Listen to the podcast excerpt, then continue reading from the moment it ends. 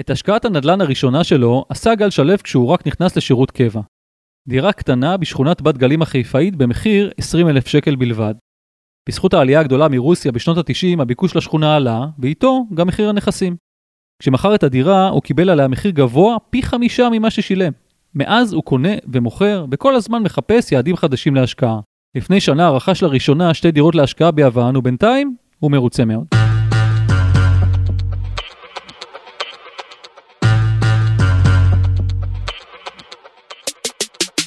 אני גיא ליברמן, עורך תחום הנדל"ן בעיתון גלובס, ואתם מאזינים לפרק השלישי בפודקאסט כסף בקיר. סיפורים על אנשים שהחליטו לשים את הכסף שלהם על נדל"ן. ההתלבטויות, ההחלטות, ההצלחות וגם הכישלונות. את גל פגשתי בביתו שבמושב חוגלה. הוא נשוי בפעם השנייה, שירת 25 שנה בחיל הים, והוא מגדיר את עצמו כיזם בנשמה. זה הולך לכל מיני כיוונים.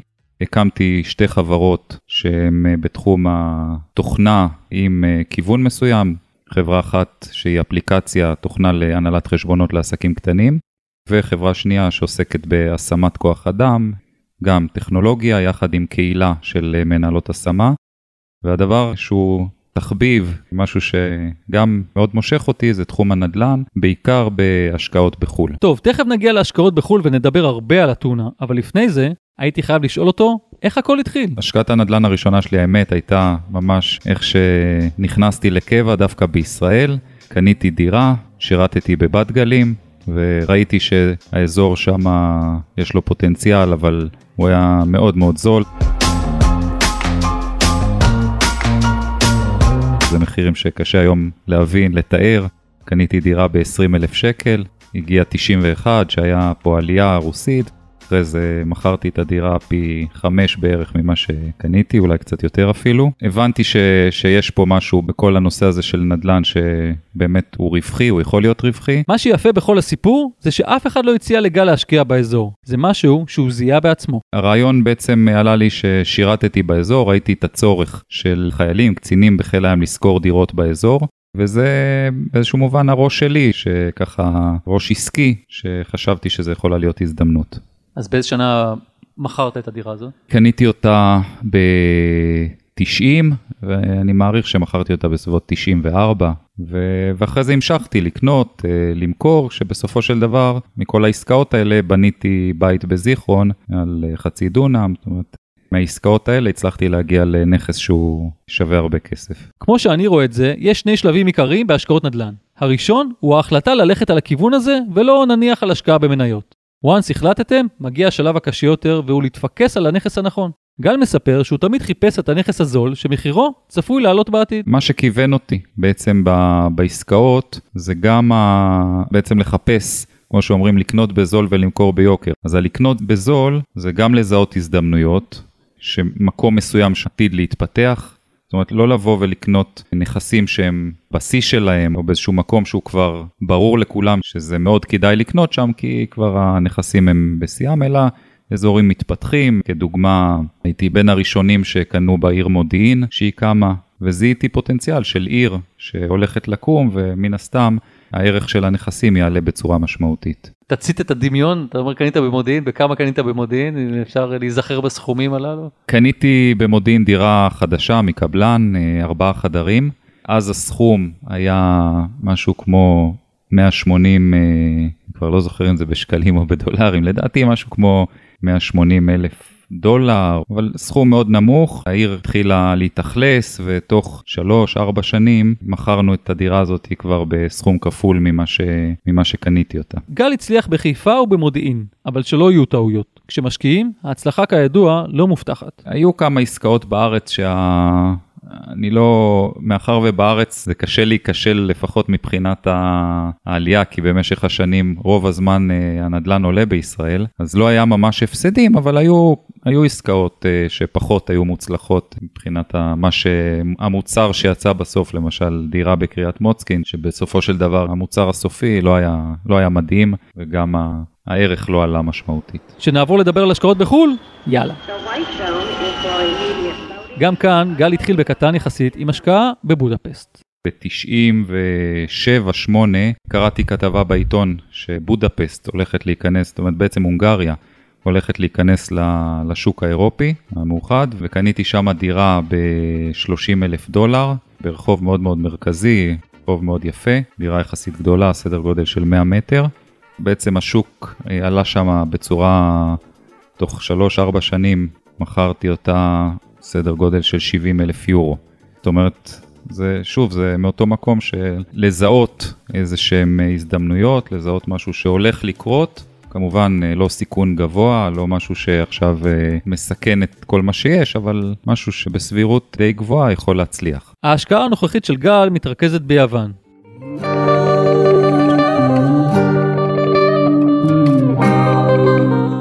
דווקא ואולי בגלל שהמדינה הזו חוותה משבר כלכלי חריף בשנים האחרונות.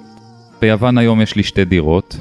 אני למעשה זיהיתי לפני קצת יותר משנה שהשוק ביוון באמת קרס בצורה לא, אפילו לא הגיונית. זאת אומרת, מחירי הנדל"ן, הנכסים שם, הגיעו לערך הרבה יותר נמוך מעלות הבנייה שלהם.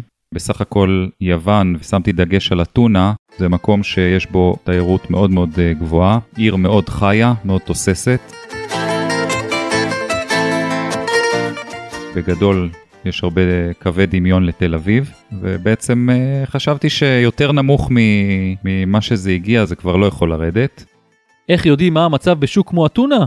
גל מסביר שכדאי לקרוא ולהתעניין בתחום. ובמקרה הזה, גם הייתה עזרה מבן משפחה. אני מבין שביוון זה המצב, כמובן גם מתוך קריאה של אה, מדורים, אה, מדורי נדל"ן ומדיה דיגיטלית כתובה. במקרה של יוון, גיסי התחיל להשקיע שמה, ופתח חברה שעוסקת בקניית בניינים, הפיכה שלהם לנדלן מניב. אז בעצם אה, דווקא במקרה הזה הלכתי אחריו ופשוט טסתי לראות מה קורה שם, עשיתי קצת סיור, נחשפתי לשוק, קצת למדתי את השכונות, איפה יותר טוב, איפה פחות טוב, ודי מהר זיהיתי הזדמנויות שאני יכול בעצם אה, להשקיע יחסית בסיכון נמוך, ומן הסתם רוב הסיכויים שהשוק הזה יעלה. אנחנו כבר התרגלנו למצב שבו גם בפריפריה קשה למצוא דירות בפחות ממיליון שקל. המונחים באתונה אחרים לגמרי. רכשתי שתי דירות שאחת מהן היא 75 מטר, היא קרובה לאזור הכי מרכזי של אתונה, שכונה שנקראת אה, קוקקי, ליד האקרופוליס, וחלק מהעניין גם היה שקראתי כתבה של האזורים הכי נחשקים או שעלו הכי הרבה ב-Airbnb, ואחת מהם זה מקום חמישי הייתה השכונה הזאתי ביוון, על סקר שהם עשו בכל העולם. קניתי את הדירה הזאת ב-60 אלף יורו. להערכתי כבר עכשיו כמעט הכפילה את הערך שלה. בתוך שנה אחת בלבד. בתוך שנה אחת בלבד, כן. ואגב, לגבי הדירה הראשונה, אז הייתה דיירת בדירה, וחלק מהעניין התלבטתי אם ללכת להשכרה לטווח קצר, אבל העדפתי שהדיירת הזאת שגרה שם כמה שנים תישאר ולהרוויח טיפה פחות, אבל uh, בסך הכל זה, זה נראה לי יותר נכון לעשות. לגבי הדירה השנייה, אז uh, היא נמצאת בשכונת מגורים שנחשבת שכונה טובה של אתונה. במקרה הזה זו הייתה דירה קטנה מאוד, 34 מטר, אבל היא הייתה במחיר מציאה של 20 אלף יורו. דירה שנמצאת בקומה, בעצם בקומה האחרונה, ויש לה גג מאוד מאוד גדול של בערך 60 מטר, אה, עם נוף יפה.